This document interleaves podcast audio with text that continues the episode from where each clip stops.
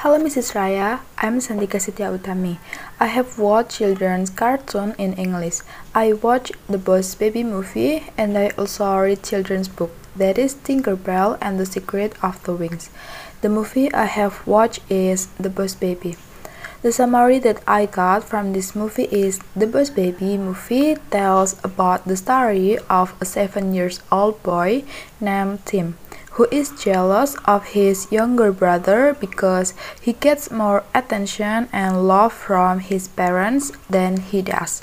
Finally, Tim plans to go on a mission to win the hearts of his parents again.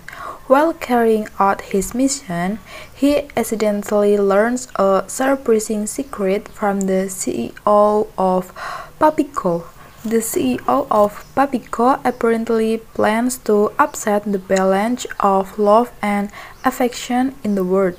To stop it all, Tim and his sister must work together, and Tim had to be able to get rid of his jealousy towards his sister too. My experience after using new vocabs from this movie is I feel very challenged. The vocabs in this movie are very amazing. I have a lot to learn, but I like being able to learn vocabs from movies and I can remember them more easily. I also read an English version of a children's book that is Tinkerbell and the Secrets of the Wings. The summary that I got from this book is Tinkerbell and the Secret of the Wings tells the story of Tinkerbell as a summer fairy who crossed the border between the summer and winter fairies. It was actually forbidden, but she still did it.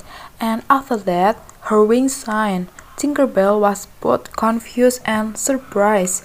After searching for information and trying again, he meets a winter elf named periwinkle.